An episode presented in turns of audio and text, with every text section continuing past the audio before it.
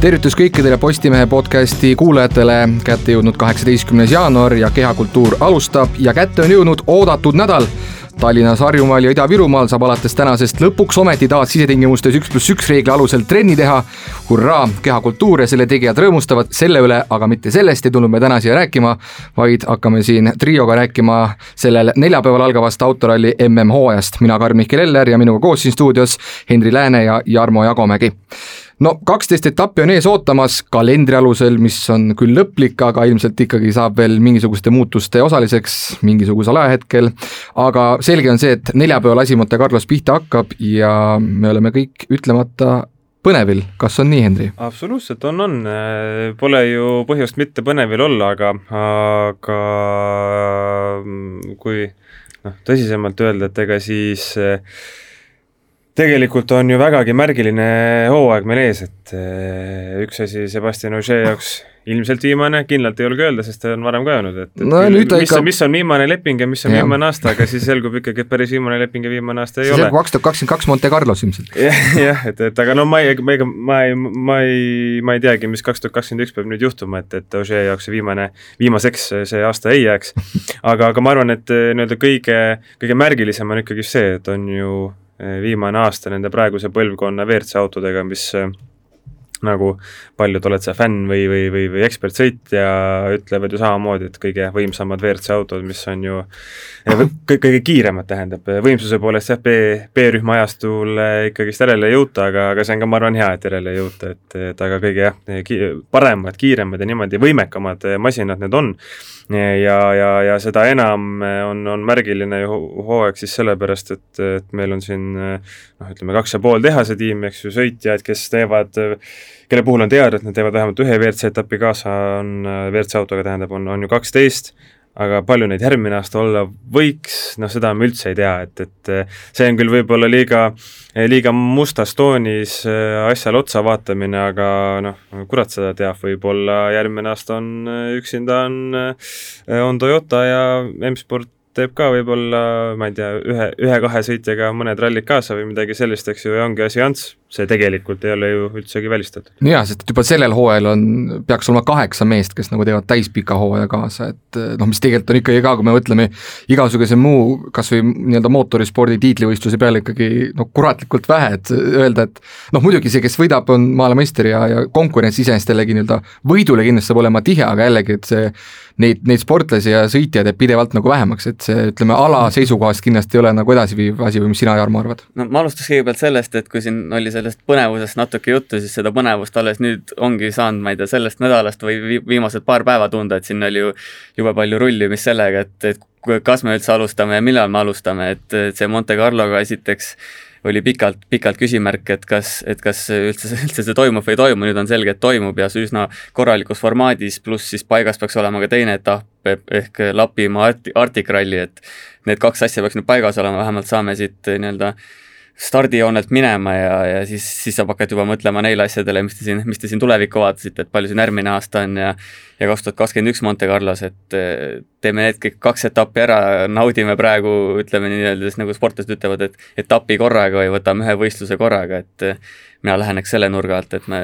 liiga palju siin veel kahekümne, kahe tuhande kahekümne teise aastasse ei, ei vaataks. jaa, no me hakkamegi õige pea nüüd just nimelt ees ootavale hooajale nii-öelda otsa vaatama sõitjate alusel, et kes mida siis võiks tegema hakata, aga natuke veel sellest Monte Carlost rääkides, et tõepoolest oluline on see, et saadaks minema, nii-öelda tehakse see start ära, vähemalt üks selline korralik ralli saaks sõidetud, jällegi mingis mõttes ikkagi müts maha korraldajate ees, et praegu on no tundub, et veri nehast välja seal igate reeglite vastu, mis on kogu aeg uuendatud, aina rohkem nagu päitseid pähe tõmmatud, siis nad jällegi leiavad selle mingisuguse pääsetee, et see võistlus ikkagi saaks toimuda, aga okei okay,, M-sport poodiumi kohal ilmselt asja pole puhta ralliga seal Monte Carlos, aga jällegi saad starti tulla ja ja kaks või kolm autot on sul kohe juures ja kui vaatame alumisi klassi, siis veel rohkem. jah, ja kes teab ikkagi,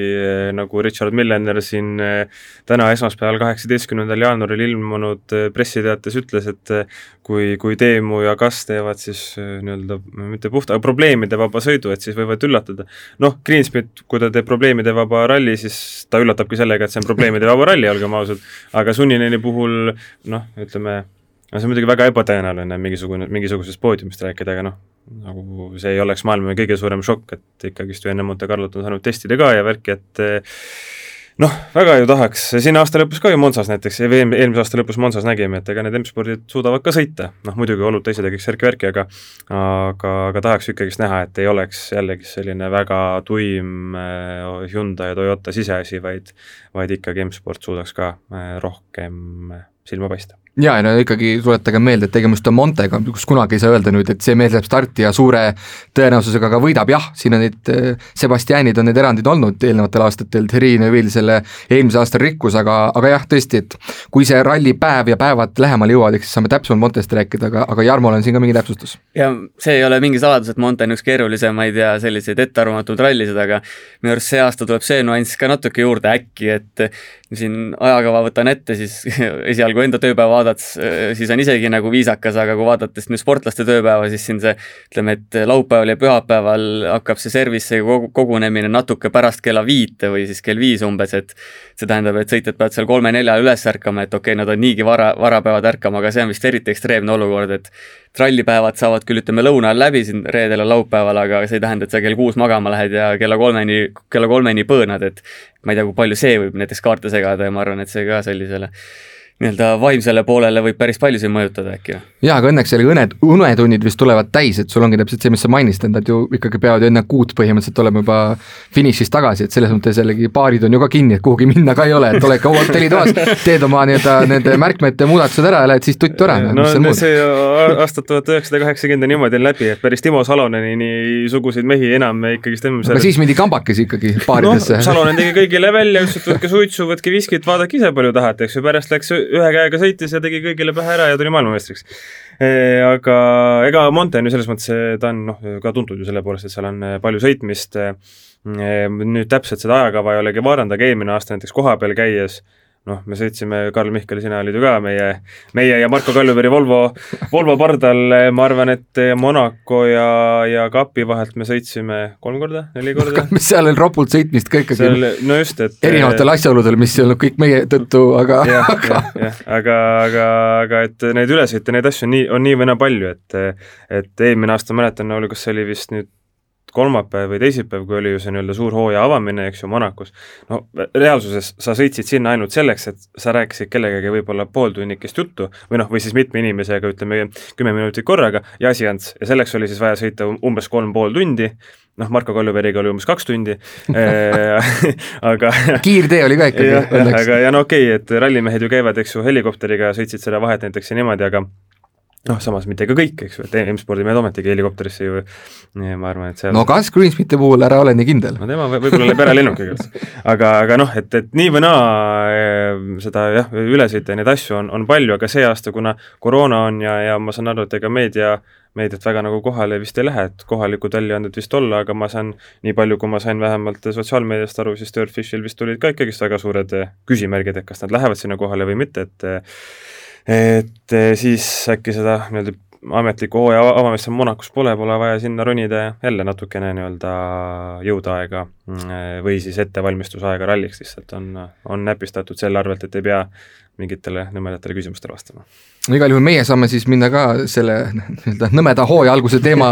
või siis esimese etapi teemalt ikkagi ka laiema hooaja peale, et jällegi, nagu sai öeldud, kaksteist etappi on nii-öelda kirjas meil palju tuleb kokkuvõttes ei oska meie siin lubada ja ilmselt ei oska keegi siin äh, käsi piiblil öelda, palju neid lõpuks sõidetakse, aga tõesti, vähemasti kaks on ju kindlad, et Monte Carloga hakkab ja siis veebruari lõpus ka tullakse siia meie lähedusse Põhja-Soome Arktika rallit sõitma, aga kui me vaatame just nimelt selles äh, valguses nüüd algavale hooajale otsa, et võtame eelmise aasta punktitabeli ette, Sebastian Ogier tuli maailmameistriks saja kahekümne kahe punktiga, kaks etapivõitu, no ikkagi seekord selge ka suursoosik ikkagi kaks tuhat kakskümmend üks, et ei saa midagi öelda, kui ikkagi valitsev maailmameister oled, siis sa oled suursoosik. no vist, vist peab nõustuma, aga vähemalt on väga põnev see, et, et meil on, ma arvan küll, et noh, neli pretendenti on, et Evans, Elvin Evans ka ikkagi selles, selles pundis on, ja olgugi, et Ogier on võitnud seitse korda, siis ta on ise ju ka korduvalt öelnud, et ta tahab nii-öelda heal foonil lahkuda Äh, see oli ka üks põhjus, miks ta, miks ta otsustas äh, see aasta ka veel sõita. nii et äh, tal ei ole, tal nälg on ilmselgelt, noh rääkimata siis sellest, et igavene teine Thierry Neuville, Ott Tänak ja, ja, ja Evans on samamoodi nagu väga näljased, et see kõik, see nagu see teravik või tippuri tipp on, on nõnda hea ja nõnda ma ütleks, et selline ühte klassi kuuluv, et see teeb juba nii, nii palju ettearvamatumaks ja ka selle tiitliheitlus, et noh, võime siin öelda, et kes on soosik ja kes ei ole, aga, aga, aga lõppude lõpuks ma arvan, et noh, väga väikesed asjad saavad määrama. no mulle endale tundub lihtsalt see, et mis natuke nüridaks teebki, on see, et noh, sisuliselt maailmameistri võitjad või maailmameistri tiitli võitjad, no saadki nelja mehe seast otsida no, põhimõtteliselt. Saad ühe mehe,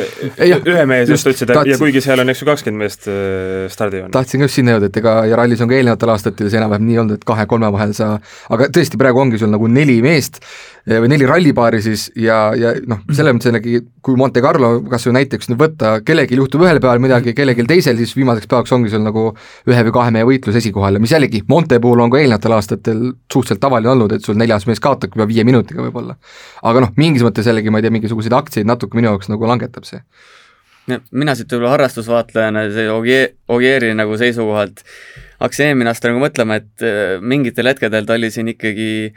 enne Tänakut oli ikkagi selge see, kes äh, oli kõige kiirem, võitis kõik etapid enam-vähem või vähemalt oli suur favoriit, et siis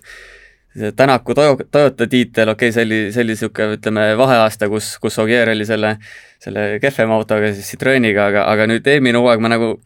ta näitas, näitas oma klassi, et, et nagu sellisel ebatavalises olukorras ta ikkagi on kõige kogenum, kõige sellisem rahulikum võib-olla, aga selliseid mõranemise märke võib-olla oli, et siin ütleme, et mingitel hetkedel need võib-olla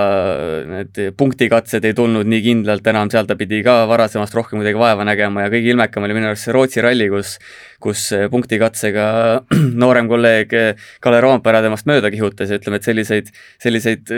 väikse nagu nii-öelda mõranemismärke oli veel, aga, aga lõpuks ta selle tiitli ära võttis, nii et selles mõttes, et ei saa talle midagi nagu selles mõttes otseselt ette heita ja ja favoriit on, aga ma ei tea, kas just kõige suurem no eks see mingis mõttes nagu ilmestab ka ju seda Ožeed, et vajutab seal, kus on vaja, mitte et kogu aeg tald põhjas, et et ta nagu ei lähe sellest verest välja, kui Roampere mõnel katsel on temast kiirem või kas või ralli kokkuvõttes on kiirem. noh, nagu sinagi, Karl Mihkel,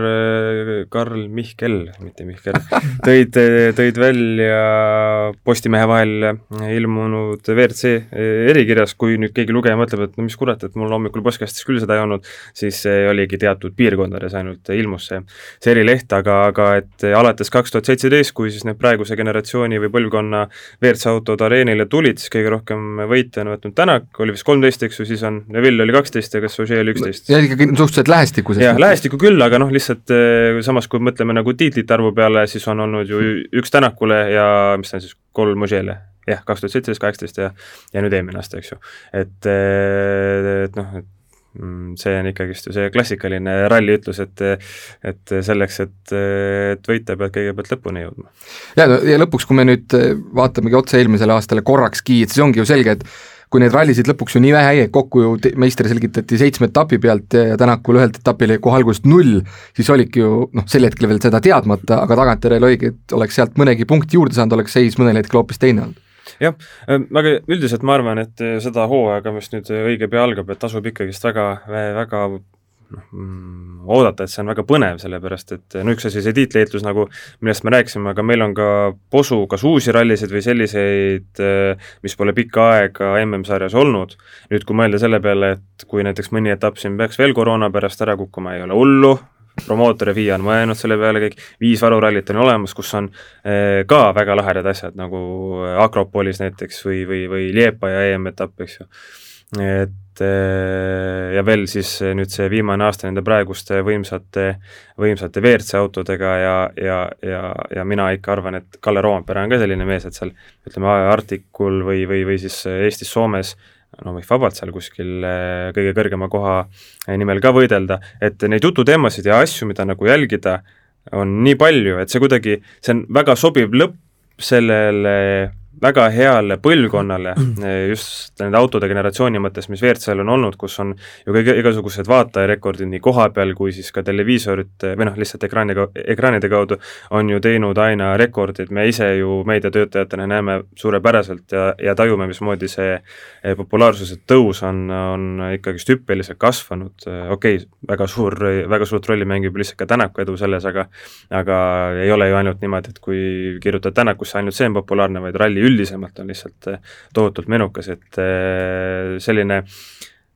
minu arust on justkui kõik eeldused loodud selleks, et nüüd panna see kirss tordile selle aastaga ja siis võib-olla enam me torti ei söögi, aga vaatame siis tulevikus, mis saab jah, et sa tõid selle uute rallide nüansi sisse ja tõid kaks huvitavat nime ka. ühest küljest võikski eeldada, et Ogier, kõige kogenuma sõitjana, mitmekordne maailmameister, võiks nagu sellest kasu lõigata, et tema oskab nii-öelda oludega kohaneda, aga teisest küljest võibki vaadata, et Rovanpera väga andekas sõitja, selline tänapäevane noor, nagu ikka, noored võtavad asju paremini külge, et äkki tema just suudab ka nendel nii-öelda ultrarallidel siis nii-öelda vanematele võib-olla silmad ette, ette teha ja nii-öelda kiiresti omaks võtta need uued tingimused, et, et see niisugune ultrarallide lisandumine jah, nagu sa ütlesid, põnev, põnev teema ja võib, võib kõvasti kaarte segada ja, ja seesama Arctic Rally ju ka peaks olema Rovanperale päris, päris suur trump ja, ja Tšiili ralli näiteks tuleb tagasi, mis on väga kiire ralli, peaks olema ka Rovanperale sobiv, et sellised, ütleme, et kahe, kaks sellist, kaks sellist võib-olla eri otsustes meest, kelle vahel jääb veel palju, palju huvitavaid sõite. äkki et, siis äh, tiitlikvartetist saab, äh, mis see on, kvintett hoopis? jah, no võiks saada, no noh, jällegi kalendri puhul, et ongi see, et meil on neid uusi rallisid, aga aga jällegi samas see jutt, mis me praegu räägime, võib olla mõne nädala pärast juba nii vana, et keegi ei mäletagi, et mõni ralli kalendrisse üldse kuulus, on ju. samas praegu ikkagist nagu tundub, et, et kuivõrd äh, nii nagu ka siin äh, veidi pärast Rally Estoniat äh, WRC promootori siis, mis ta oli, võistlusdirektor, võistluste juht, äh, Simon Larkin rääkis, et nad tahavadki niimoodi teha aastal kaks tuhat kakskümmend üks, et teeme alguses teeme paar asja ära, paar rallit ära ja siis jätame mõnekuise vahe puhtalt selleks, et lihtsalt lastagi sellel koroonaviirusel kas siis nüüd maha rahuneda või, või vaadata vähemalt siis, et mis mis võiks juhtuda, kas midagi peab muutma ja niimoodi, et eh, praegu tundub küll, et noh, ongi, et need esimesed kaks sõidame loodetavasti ilusti ja probleemideta ära, siis on ju kaks kuud aega Horvaatiani eh, ja, ja, ja pärast seda läheb see kalender ainult nagu tihedamaks, aga noh, kui nüüd mõtleme koroona ja näiteks eelmise suve peale, siis ju tundus, et Eestis vähemalt vaatasid, et on niisugune tunne, et enam pole ju mitte midagi. kõik on, kõik on lill, aga noh, siis tuli sügis ja siis läks kõik sinna samusessegi, aga aga noh, et ikkagist äh, tundub, et see ollakse paremini valmis eh, WRC bosside poolt siis selleks eh, koroonavärgiks, et eh, kui näiteks F1 eelmine aasta minu arust tegelikult ülihästi kohanes selle kõigega, noh, WRC-ga, noh, Ogier, Tänak ju väga paljud tegelikult, väga paljud tegelikult ju kritiseerisid FIA ja promootori siis noh, käitumist, otsustamatust, aga tundub, et see aasta ollakse küll ikkagist nii-öelda asjal, asjal vähe, vähe kindlama pilguga peal kõige rohkem vist ongi välismeediast olnud juttu sellest, et, et see Keenia ralli toimumine on selline kõige ebatõenäolisem, okei okay,, seal äh, Briti saartel ka, aga seal ikkagi mingil kuul ilmselt see ära tehakse, ütleme nii, et see Keenia ongi võib-olla selline kõige suurem muutuja või selline ekstreemsem ralli, et, et kui, et kui see toimub, siis see kindlasti kaarte segab, aga kui see mingisuguse asjaga asendatakse, siis need on ikkagi mingil määral sellised tuttavad ja võib-olla tavapärasemad rallid kui see Keenia võidu kihutamine, et siis nagu see kalender otseselt pea peale ei, ei pöörduks, kui see, see välja asendatakse, et siis see nagu pigem muudaks asja natuke loogilisemaks isegi äkki no,. Briti saartel nii või naa see aasta ei sõideta, et selle asemel oli ju Belgia on, tähendab eh, Keenia puhul eh, noh, mm, see on ka selline, ma arvan, laialt levinud nagu valearvamus, et, et see safari on selline nagu, nagu me mäletame, noh, et kus igal autol oli oma helikopter ja vahepeal pidid seal mingisuguseid, ma ei tea, kaalkirjakuid karjatama ja kes seal iganes nagu raja ette jäid, eh, aga tegelikult Äh, rääkisin sellest, mäletan ükskord M-spordi pealiku Rich Milneriga, too ütles ka, et, et see on tegelikult nagu suht niisugune klassikaline Euroopa ralli või, või sarnaneb nagu sellele, et noh, need maastikud ja selline nagu nii-öelda spetsiifilised olud rallimeeste lemmiksõna, spetsiifika. spetsiifilised olud on seal kindlasti no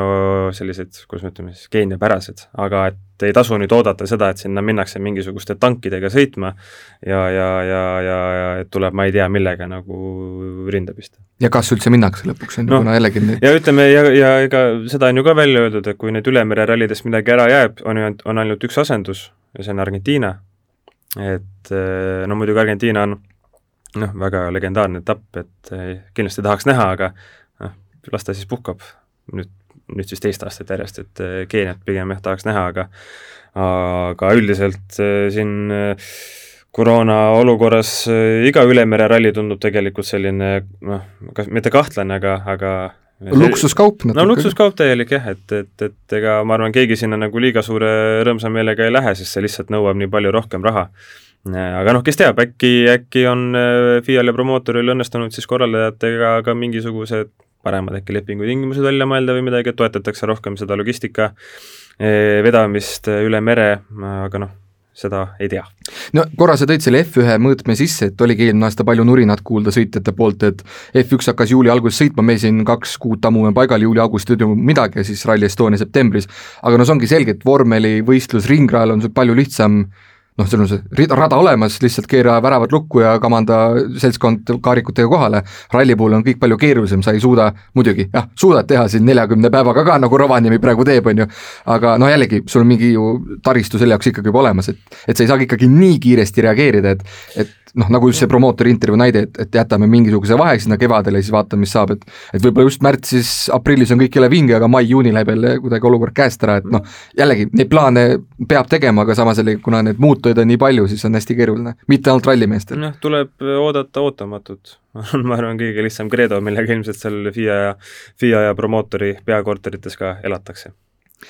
Nojah, sa rääkisid ka sellest ralli populaarsusest, et, et just nimelt Eesti näitel siis on ju, et igal pool, iga aasta need põhimõtteliselt tõusevad igasugused numbrid ja, ja huvi, aga jällegi üks koma kolm miljonit versus terve maailm, et maailmas jällegi mul endal, jällegi, WRC näitab ka need arve, et tegelikult tõuseb hästi palju, sotsiaalmeedia jälgitavus, kõik tõuseb, aga mulle endale nagu tundub, et neid hardcore või selliseid kõvemaid fänne nagu mingis mõttes kas jääb vähemaks, aga neid ei tule nagu juurde ka väga palju. et jällegi, kui see taandubki sul nagu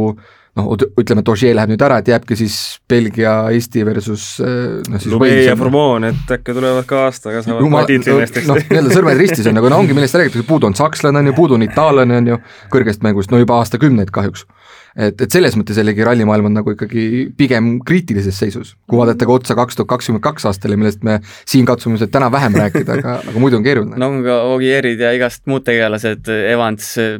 Suurbritannias, aga ikka neid väga ei teata ja väga ei kajastata, et et jah, see ongi, kust mätta otsast vaadata, et ma olen kuulnud küll neid jutte ikkagi, et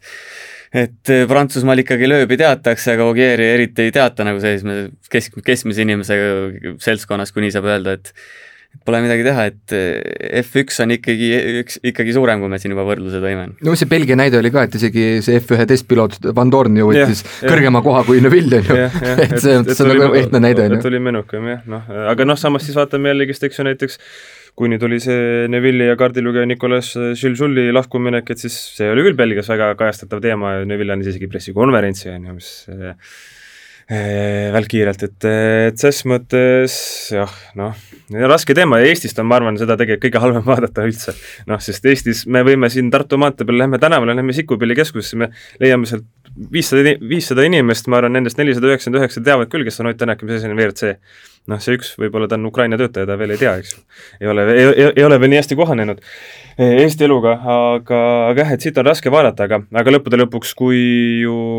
promootor ütleb, et no ei ole põhjust mitte promootorit usaldada, noh, et, et kui ikkagist räägitakse, et numbrid nagu lähevad igas, igas meediumis paremaks, siis siis küllap nii ka on, aga ma ise ütleks, et rohkem kui see, et ei ole mingitest suurtest riikidest nende tippsõitjad on ju, noh, Itaalia, Saksamaa näiteks, eks ju, kes on ka ju tegelikult ju mõlemad on maailmameistrimaad e,, siis ma arvan, sellest tegelikult nagu suurem probleem on, on see isiksuste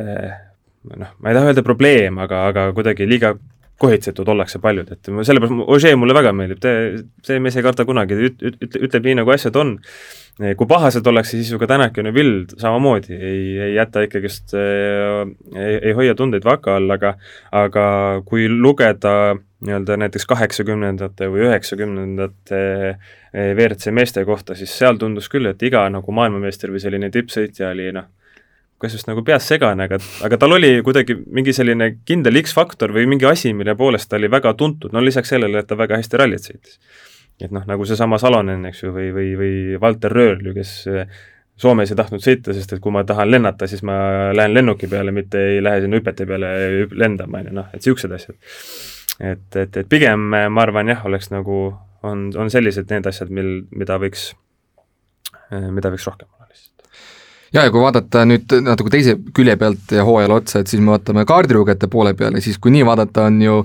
Tänakul Hyundai's vaata et ainsana siin jäänud enda rallipaar, et temal on siis ema Martin Järve nagu alles jäänud kaardilugejana, tõsi, Sordol ka nüüd Del Barrio tegelikult ju Monte Carlos peaks ju nii-öelda siis selle viimase, viimase ralli veel tegema, vähemasti niimoodi tuli Hyundai pressiteatest välja, mis täna hommikul tuli, aga muidu ka temal peaks tulema äh, Bor-, Borja Rosada kaardilugejaks ja siis jah, nagu Terine Vill, tema uus äh, navigaator Martin Vaide hei peaks midagi sellist vist olema see hääldus, on ju. et, et selles mõttes jällegi nüüd Tänakul, kui me vaatame tiimikaaslaste peale, peaks mingis mõttes mingisugune õhkõrn eelis nagu olema, kas jällegi Monte Carlos kohe kajastub, eks ole näha. no jah, saab vaadata mitme nurga alt, et Neville ka eelmise hooaja alguses kirjas kõvas, kuidas tal on eelis, et ta nii kaua Hyundai's istunud, kõik nägid, kuidas asi lõpuks lahenes, ma ei tea, Tänak, Järveoja on seal Hyundai's küll nüüd hooajaga, tegelikult ega nad ju palju palju sõita ei saanud, see hooaeg oli poolik, Monte Carlos paari katsega piirdus, mäleta, mis katse see karmavari täpselt tuli, aga aga ühesõnaga jah, et selline see nagu võib otsida seda nii-öelda edu sealt, aga, aga mustvalgelt kirja ei paneks päris. Jah, ja ikkagist, kui mõtleme ka näiteks selle Neville'i kaardilugeja peale, siis tegemist ei ole ju mingisuguse, ma ei tea, ei ole mingi mees metsast, noh. et, et ikkagi äh, MM-sarjas ju sõitnud, okei okay,, WRC autoga vist küll mitte, et see omajagu, omajagu harjumist nõuab, samas noh, näiteks kui rääkida äh, Eesti rallimeestega, kes ütlevad, et R2 pealt R5 peale üleminek ongi kõige keerulisem, sest et R5-ga on palju loogilisem sõita, noh, et äkki kaardilugejate puhul võib nagu, ma arvan, seesama olla, et okei okay,, kiirused lähevad suuremaks, aga siis sa saadki noh, justkui seda nii-öelda, ma ei tea, ideaallegendi nagu teha. Ja, ja ega see Borja Rosada samamoodi, et äh, vanust tal oli vist ka seal kolmkümmend üheksa, Sordost veidi vanem ta vist oli ja EVRC ütles, et üle kahesaja ralli on kokku, nii et kogemuste pagas on tal ikkagist korralik äh, ja, ja noh, näiteks Monte Carlos ta ka on ju osalenud mitu korda, jällegist küll mitte WRC auto, aga, aga ikkagi, et ähm, ma nagu, ma arvan, et liiga palju need asjad nagu ei, ei muuda, et eh, kui siin Teemu Suninen esimest korda Mikko Markulast lahku läks ja, ja Jarmo Lehtinen tuli, siis äh, seal läksid asjad ju ainult nagu ülesmäge ja Suninen ise oli nagu väga rahul ja Lehtinen ütles ka, et no tore on, et väga tore on poissi õpetada ja niimoodi, et, et ma arvan, et pigem need kaardilugeja vahetamised on sellised äh, ma ei tea, kas, kas just päris formaalsuse taga nad kuidagi sellist nagu kabelimatsu nüüd küll kellelegi ei, ei, ei anna? jaa, aga vähemalt nüüd on äh, Thierryl uus vabandus olemas, kui midagi nihu läheb. jaa, kindlasti et sest... neid ta oskab leida küll jaa, no sest et no mina tuletan seda kaks tuhat seitseteist meelde, kui tulid uued WRC autod, on ju, ja Tänaku kõrval tuli ka esimest korda Järveoja siis MM-sarja sõitma, siis ta ütles ka kohe, et tema esimene kogemus seda WRC klassi nagu jättis vahele, et tuli kohe see WRC pluss, nagu tema ütles. eks see kaks tuhat seitseteist aasta auto, et et mingis mõttes see hüpe nüüd Neville'i kõrvale tu-, tulla uuel mehel kindlasti ei saa ka nagu lihtne olema, eriti kui sa nüüd on vähem kui nädalaga, pead sellega kõigega nagu harjuma ja ja sisuliselt ühtegi kilomeetrit nagu korralikult sõita ei saagi, aga noh, see on juba nende probleem ja nende teema, et noh, toon siin näite sellest eh, eelmise nädalavahetuse Lapimaa rallist, et kui siin Egon Kaur ka jõle vingelt sõitis ja kui ühel hetkel Silver Simil läks järg käest ära, kus me oleme, on ju, et noh, samas me võime siin natuke nii-öelda nina krimpsutada, kuidas siis nii, aga tegelikult see käib nii kiiresti ja, ja kui on läinud, siis siis sõltub muidugi kogemustest, aga võib ka olla nii, et ongi läinud ja siis panedki pimesi. Monte Carlos pimesi paned, siis ilmselt see väga kaugele ei sõida seal. jaa, absoluutselt jah, et see on, on vast see kõige hullem koht, kus midagi säärast võiks juhtuda. aga enne, kui me läheks nagu veel ennustuse juurde, mis sellest aastast saama, pi-, piiluks ka korra just nimelt WRC kolm kategooria juurde, mis ka eestlasi tegelikult sellel aastal äh, nii-öelda meelitab äh, kindlasti, sest et äh, kolm meest teevad vähemalt seal kaasa nagu väga arvestatava jagu etappe ja, ja kindlasti tuleb mõni mees, kui me ütleme teist etappi ju ka on MM-kalendris, et siis kindlasti tuleb sinna veel mehi juurde. ehk et siis ilmselt suurimad ootused võib-olla on siis just nimelt mainitud Kaur Simm rallipaarile pandud, et, et me teame, et Kauril, kes on Ott Tänaku eakaaslane, Toho, Toho Tilla, et niisugust asja võib-olla mõni avastab alles, aga noh, nüüd siis pääs laia maailma temal tulemas, et et jällegi, temal ka sellist nagu naturaalset kiirust on väga palju, kogemusi ka väga palju, et selles mõttes nagu temalt mingis mõttes ootaks nagu kõige rohkem, et, et tuleks selline sähvatus. jah, seda küll, noh, samas liiga kõrgele ei taha ka nagu ootusi kruvida, et et üritaks ikka asja nagu külma mõistusega võtta, samas noh, ikkagi see, mis ta ju Rally Estonial nägi, kus ta suht koht läks ju külmalt peale ja oli ju hoobilt oli siis, või noh, kas just hoobilt, aga aga oli ikkagist ju seal R5 hulgas selgelt kiiremate seas. ei oleks, üks viimasel päeval vist oli, eks ju, mingisugune rehvi purunemine, kui seda poleks olnud, siis ja lõpuks siis... poolakas Katanis käis üle katuse ja aitas tema omakorda poodiumile, nii et lõpuks nii-öelda mõlemal juhtus midagi, aga lõpuks jah, meie mees oli poodiumil. jah, et, et aga, aga lootus on ikka jah, et, et tuleb nii, nii mõndagi ja, ja jällegi, see on tegelikult, ma arvan, ka mõneti nagu austusavaldus Eesti rallifännile, et et kui sellised mehed sõidavad, siis nende tegemisi jälgitakse, kas võtame selle Lapimaa ralli näiteks, et eh, no muidugi see ei olnud nii populaarne selle kajastus, kui oli, kui oli näiteks WRC puhul, samas see ei olnud ka nii laiapõhi, nii laialdane, aga näiteks blogi jälgiti palju, et ilmselgelt eh, ka need R5 eestlased eh, ikkagist inimesi huvitavad ja, ja, ja Egoni puhul jah, võivad need ju ootused kõige kõrgemad olla, aga, aga ma usun, et Georg Linnamäe näiteks samasugune, kes tegelikult, kui kuidas me ütleme siis, kui tähed joonduksid õigesti ritta, siis eh, võiks ka päris kiiresti, päris kiire olla, et eh, tal see hüperviite on olnud ka ju üsna, üsna edukas tegelikult, eh, päris hea ja jällegi tulevad siin mingisugused kiiremad rallid, väheke rohkem vajutamist, siis miks ka mitte ei võiks tema seal no ma ei tea, ütleme esiviisiku koha nimel võidelda mis sina, kui ma tohin, Jarmo, sinu poole pöörduda, kui võib-olla siis tavalisema ralli või siis mootorispordi vaataja poole, et kas sind nagu paeluksid, kui Tänaku kõrval nüüd jälgida, aga mõni hetk hiljem saabuvad Kauri, Jeetsi ja, ja Linnamäed? jaa, ei kindlasti oma, kui nad oma klassis sõidavad ikkagi tulemuse peal või kõrge, kõrge koha peal, siis, siis kindlasti, kindlasti huvitab ja jälgin huviga, aga Kauri puhul ütleski, et võib-olla kõige toredam ongi see, et ta, et ta sai selle võimaluse lõpuks või noh, uue võimaluse siis nii-öelda ennast päriselt tõestada, olgu see vanus on juba, juba, juba selline, et vist ikkagi autoralli maailmameistriks WRC klassis ei tule, aga aga vähemalt äh, WRC kolmes võid tulla. jah, et vähemalt see Soome sillaehitaja pani oma õla alla, nägi temas potentsiaali ja, ja see on kindlasti tore, kui kui on ka vaadata pärast seda, kui need kümme, kaksteist äh, või isegi mõnikord vähem WRC masinat on kohale tulnud, et siis on põhjust seda nii-öelda feed'i refresh ida või, või sealt otsepilti edasi vaadata, et kindlasti tervitatav, jah. ja, ja, ja ma noh, meenutades seda Rally Estoniat, mis oli, et seal minu arust üks hetk see R5 värk oli ikkagi nagu põnevam tegelikult, kui, kui, kui see nii-öelda üldarvestuse värk, et seal oli vist üsna varakult oli selge, et ega Tänakut ju puhta sõiduga keegi ikkagist kinni ei püüa, eh, noh, kes on seal teine-kolmas, tore küll, aga, aga kui Tänak on esimene, siis väga ei huvita.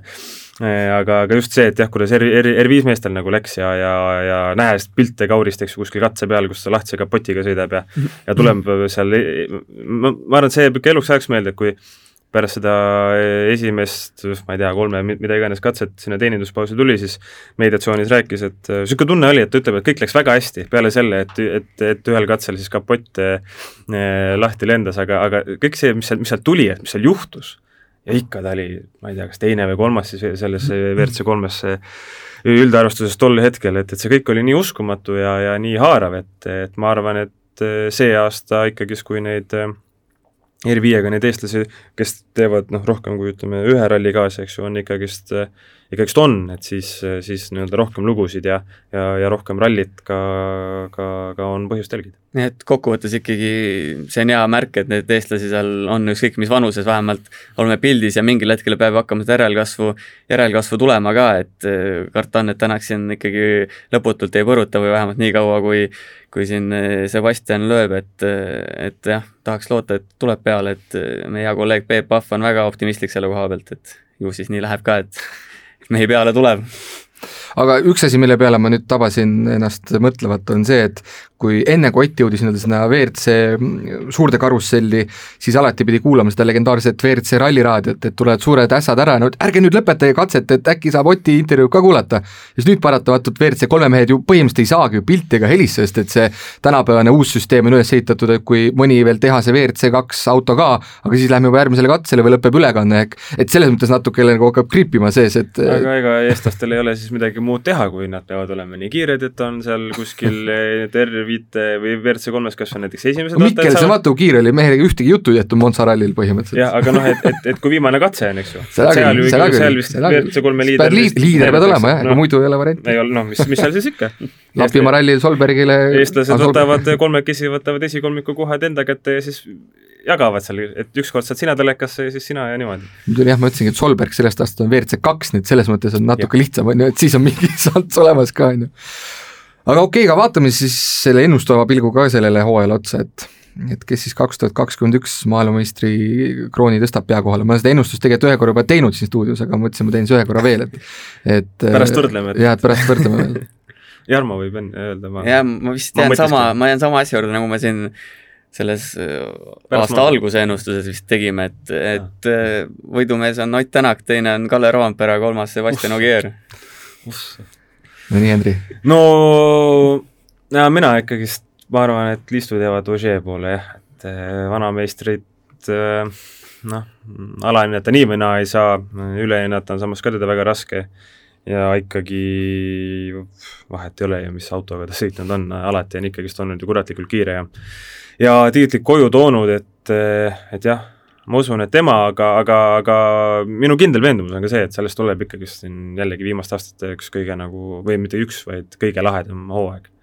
ja, ja et enne, kui lähme siis nendele hübriidautodele, siis eh, saab ikka nii rasvane, rasvane täpp sinna i peale pandud, et, et paha hakkab kohe mina saan nüüd õnneks eh, teha seda, et ma vahetan poolt, nii et kui eelmises saates pidin tõe ja õigluse huvides olema Ogier poolt, olid teised Tänaku poolt, siis ma ütlen, ma seekord olen siis Tänaku poolt. siis on nagu pooleks, et kumb võidab, et siis on nagu, nagu võit enda taskusse ka natukene. aga, aga Monte Carlo osas eh, jällegi noh, on ju Monte Carlo, Monte Carlo, aga jällegi see, et näiteks testikatset ei ole sellel aastal, kohe minnakse neljapäeval sõitma. et kui palju see huvitab nagu sõitjatel, arvate, et näeme kohe alguses midagi säärast, et nagu näiteks siin mõni aasta tagasi, kui eh, Hayden Paddon oli traagiliselt, sõitis teelt välja, okei okay,, see ei olnud Äh, testikatsega seotud, aga kohe nii-öelda sinna kaljudesse ja kahjuks jäi üks inimene ka sinna auto alla, et et, et noh, millist rallit me võiksime see aasta näge-, nägema hakata seal? ma arvan, et kuna kõik on ju saanud testida, isegi M-sport Greensmith tegi nii, nagu ta ikka teeb, äh, siis, äh, siis ma arvan, et midagi nagu väga hullu ei ole, et, et eriti just nende tippmiste meeste seas ka, et et okei okay,, rehvi, rehvi tootja on eks ju küll nüüd vahetunud, samas jällegi, ma ei usu, et see nagu saab noh, kuidagi nüüd kellelegi nii suurt rolli mängida, et, et keegi nüüd noh, just selle pärast, just selle fakti pärast siis ma ei tea, hakkab mingi minutiga saama või midagi sellist, eks ju. seda ilmselt mitte, aga ja. midagi võib ta ikkagi mängida. ei, midagi võib kindlasti mängida. ja lõpuks et, sekundid, sajandikud loevad. seda küll, seda küll, et, et jah, et kes nagu paremini suudab kohaneda, sellel, sellega on sellel on hästi, aga, aga noh, kui me nendele äh, tiitlifavoriitidele, nendele neljale, noh, Arvo mõtleb viiele, noh, Rompera on nii noor poiss, et ta kohaneb kõigega, ma arvan, aga, aga ega need samas, kui ta tahab lööbi teha, siis ta peab see aasta võitma on ju, et üheksa tiitlit võita, on ju. aga ülejäänud neli meest on ju ka kõik tegelikult ju küpses vanuses rallimehed, kellel kogemust on, on ikkagist palju ja jumal teab, mis erinevate olude all ja niimoodi, et, et ma arvan, et see, et Eesti katset ei ole, fännina tegelikult on natukene nagu kurb, sest oled justkui harjunud ju, et testikatse saa-, ka saab sealt nii-öelda selle surina, surina kätte ja, ja siis lähed nii-öelda võistluse peale üle, aga noh, nüüd siis lükatakse süstal kohe veeni ja ja, ja, ja pannakse see adrenaliin sisse. juba neljapäevast, juba neljapäevast. mulle just pigem meeldib, et see testikatse ära jääb, et ei ole seda mingit trilla-trallalaad seal, millel ei ole mingit pointi lõpuks, et et ma ei tea, vahva hakata klikke koguma küll uudisega, aga sisulist poolt sellel asjal ei ole, et aga, aga selle avapäeva kohta ma arvan nii, et, et vähemalt need äh, põhimehed kohe paugutama ei hakka, et nagu öeldakse Mikire katsete kohta see klišee, et et siin nagu rallit ei võida või maailmameistriks ei tule, küll aga võid siin kaotada maailmameistritiitli või selle ralli, et siis ma arvan, et sama kehtib ka Montes avapäeva kohta, et pigem äkki võetakse natuke rahulikumalt, et, et see ei ole veel see koht, kus MM-tiitlit jagatakse. aga noh, üks, üks asi, mis mulle endale natuke silma riivib, on, on ka see, et sellist nii-öelda tõsist täispikka rallipäeva justkui ei olegi, eks ju, et, et reede, kas oli viis katset vist, midagi sellist on, on nagu nii-öelda see katsete arvu poolest kõige pikem päev, et eh, ka harjunud ikkagi nagu nendega, et eh, ma ei tea, mingid Soome rallid, kus on kakskümmend viis katset, eks ju, niimoodi, et hommikust õhtuni uksest ja aknast seda rallit peale voolab, eh, nüüd seda ei ole ja Lapimaal ma saan aru, kas seal vist oli ka üheksa katset või midagi sellist, et ka enam kümme või üheksa. jah, et enam-vähem sinnasamasse kanti, eks ju, et et tahaks siis nagu loota väga, et näiteks Horvaatia, et esiteks see maavärin neid kuidagi ei mõjuta, mis siin aasta lõpus vist oli. aga, aga et nad saavad ka siis ikkagist teha nagu täispika ja et saaksime naasta nagu selle, kuidas me ütleme siis, õige ralli juurde või? samas see nagu tõstab iga katse väärtust mingil määral, et nagu ja. tuleb, tuleb rohkem tulemust teha, kui see, et sa saad seda arutada, aga ja näiteks kahe otsaga asi alati, jah. noh, ja näiteks ka nüüd see eelmise nädalavahetuse Lapi, Lapimaa ralli oli, oli ka nagu noh, hea näide, et, et okei okay,, katseid seal ju väga palju ei olnud, seitse vist oli, kui ma ei eksi, aga seda võistlusdistantsi vist oli ikka ju sada seitsekümmend äkki või natukene no, kakskümmend, kolmkümmend kilomeetrit katse ja noh, ja, ja, ja laupäev algas neljakümne kilomeetrise mammutiga, et need pikad, pikad katsed on ka nagu alati sellised samas, mis on hästi lahedad ja meeldivad et mäletan, üks aasta sai Korsikal koha peal käidud, siis seal oli vist üks neljakümne kaheksa kilomeetrine katse, niisugune tunne, et ei jõuagi lõppu, aga kohe palju nagu huvitavam või põnevam on jälgida, kui siis niisuguseid äh,, ma ei tea, noh, kümneminutiliseid sutsakaid. samas on aru saada, et näiteks äh, promootor ja teleüle, ülekannete poolest just neid eelistataksegi, eks ju, sest et äh, siis on, kuidas ma ütlen, lihtsam rahvast nagu äh, peal hoida, eks ju, et äh, ja lihtsam nagu seda produkti müüa. aga, aga noh, jah, nii-öelda ma ei tea naljaks enda kohta öelda ralli puritan, aga, aga ikkagist jah, hinges on, on, on see mingi osa, mis tahaks, et oleks jah, nagu rohkem katseid või siis see, et, et, et, et oleks pikem. see Korsika näide oli päris hea, sest et ega see ka äkki kaks tuhat seitseteist, kaheksateist oligi see aeg, kus, kus seda ka nagu mingis mõttes vihati fännide poolt, et mis mõttes teil on siin kolm-neli katset päevas, nagu mõtlete, et olete päris ralli, on ju, noh, nüüd põhimõtteliselt ongi nii, et sul ongi viis või neli katset päevas, siis oled juba sõrmed ristis, et saaks needki katsed ära sõidetud, on ju, et seal mingi asi nüüd noh, publiku pärast, okei okay,, vähetõenäoline, Monte Carlos on kõik ja, võimalik, on ju, et keegi kuhugi tungib ja midagi ära jääb, on ju, kui see veel juhtuks, siis oleks jällegi traagika, on ju. aga noh, ega näiteks kui on ka pikad katsed ja võtame jällegi selle Arctic Rally näiteks, et äh, kui on ju kiire ralli, siis ka need, see neljakümne kahe kildine katse, minu arust see võtjaeg oli mingi kaheksateist või midagi sellist ja see oli Juho Hänninen, äh, eks ju, kes noh, ma ei ütle, et võta minut maha veel või? noh, ma ei tea, kas nii, päris nii hullusti vist ei ole, aga ma arvan, mingi pool minutikest võiks küll äkki maha lihvida sealt küll jah, et niikuinii, kui ta oli testi eesmärgil ka, võib-olla isegi minut, no ei tea. et need ei ole ka nagu noh, ikkagist nii pikad, eks ju, aga, aga nad justkui pakuvad rohkem võimalusi, et midagi juhtuks, ütleme niimoodi mm, ja, ja lõppude lõpuks äh, ikkagi, kui splitte jälgida, siis on ju vahva, et kui sul on seal kaheksa splitti korraga jooksevad, eks ju, kui siis see, et nagu Monzas oli üks, üks katse vist kaheteistkildine ja vist üks, üks vaheaeg oli, või oli kaks, et, et jah, pikad katsed on, on lahedad. korra võtaks sinu eelmisest äh, mõttest ka sõnasabast kinni, see kohanemine, mis sa mõtlesid rehvide koha pealt, et kes kiiremini kohaneb, Ott Tänak on meil meisterkohane olnud tegelikult siin läbi aegade, just nimelt ka varajane alustaja, varajane ärkaja, et kohe suudab hakata suruma, nii et selles mõttes kindlasti nagu ma mingis mõttes näeksin temal eelist, samas jällegi, mis puudutab uusi rehve, ehk et siis Pirellid no jah, ma arvan ka, et nad mingit suurt rolli mängima seal ei hakka, aga samas jällegi noh, kas või see Elvin Evansi näide, et ilmselt saab ralli kiirem olema tänu nendele Monte Carlos eeskätt. et need, need just nimelt Pirelli toodang sellisel pinnasel vast töötab kuidagi paremini, et see võib-olla tõesti võib mingisugust muut faktorit, muutuja faktorit mängida rohkem, aga aga jällegi, kui need muutused on kõigile jaoks võrdsed, siis, siis eks ole näha, mis, mis lõpuks saama hakkab, aga kindlasti jah, nõus on see, et, et ei domineeriks üks tiim, teine tiim, vaid oleks Toyota, Hyundai ja loodetavasti EM-spordi võitlus vähemasti mingitel rallidel, et kas või avapäeval ja jättes ka see Monte Carlo kõrvale, et näiteks Suninen Lappi rallil on ju, miks mitte, on jällegi, et võiks olla ju kiire, on ju. aga noh, jällegi, see on mingisuguse järgmise saate teema, mis kõik veel. ei no reaalselt jah, see on tore jutt, et M-sport võiks sekkuda, aga reaalselt see väga tõenäoline ikkagi ei paista või kuidas teile ei no tundub? ei paista küll, aga, aga ma ütlen, et ega enne Monsat oli ju sama, ei paistnud siis ka, ometigi okei okay,, Lapi tegi seal lihtsalt rehvi valikuga üks-null teistel alguses, eks ju, aga noh, pead ikka sõidumees ka olema, et, et, et noh, niisama nagu ju niisuguseid aegu ei oleks, ei oleks näidanud, et noh, ei saa maha kanda lihtsalt, aga samas mulle tundub, et, et kui nemad peaksid konkurentsis olema, siis see tähendab sõitja poolt, Sunineni poolt siis, sest Greensmit ega, Adrien Formeau, kui ta WRC autoga sõidab, noh, ei tasu nagu oodata, eks ju, et ta seal kuskil nii-öelda kõrgete kohtade nimel mängib, aga Sunineni puhul, et see tähendab lihtsalt seda, et see nii-öelda riskiaste on palju kõrgem kui siis nendel, kellega ta konkureerib. noh, tunne on vähemalt niisugune ja ja mingi aeg siin oli ju ka Sunineniga kas see oli kaks tuhat üheksateist äkki või, või kaheksateist isegi, kus ju ka Rootsis vist oli pikka aega võitles esikoha nimel, oli nagu liider, aga siis pani sinna kuhugi puusse, vist oli järgmine etapp Mehhikos, kus esimene katse oli ülihea, teisel katsel pani või oli kolmandal katsel, sõitis auto vist risti ette tee peal, eks ju, et eh, tal on nagu noh, nii-öelda ajalugu on näidanud, et kui siis kuidagi läheb liiga uljalt nagu vajutama, et siis, siis vead tulevad kärmemini kätte ka, aga aga ma arvan ikkagist, et Suninen kindlasti on selline, kes suudab mingitel rallidel ikkagist eh, konkurentsi pakkuda, et kas või seesama Lapimaa, et eh, ma ei tea, Soome, Soome kohaliku poisina kiired teed, lumi, eh, mingit sorti jää ka kindlasti, et see, ma arvan, on, on ikkagist küll täitsa tema värk. nojah, kuue päeva pärast põhimõtteliselt oleme juba siis targemad, et mis siis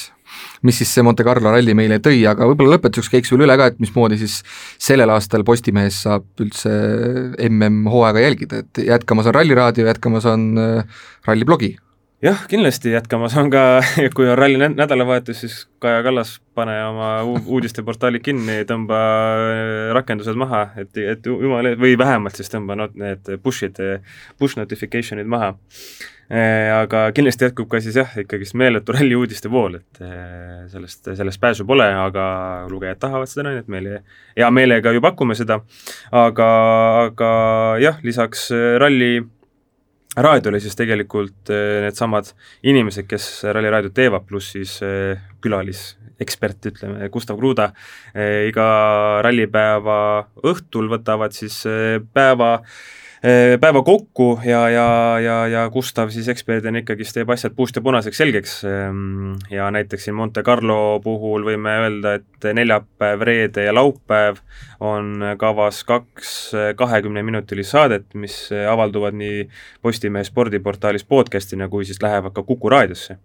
Äh, neljapäev, reede on Kuku raadios eetriajad kaheksateist null viis kuni kaheksateist kakskümmend viis, reedel üheksateist null viis kuni üheksateist kakskümmend viis ja pühapäeval, äh, kuna Kuku raadios äh, noh, Kuku raadio oli nii sõbralik ja oli nõus meid, meid veidi enam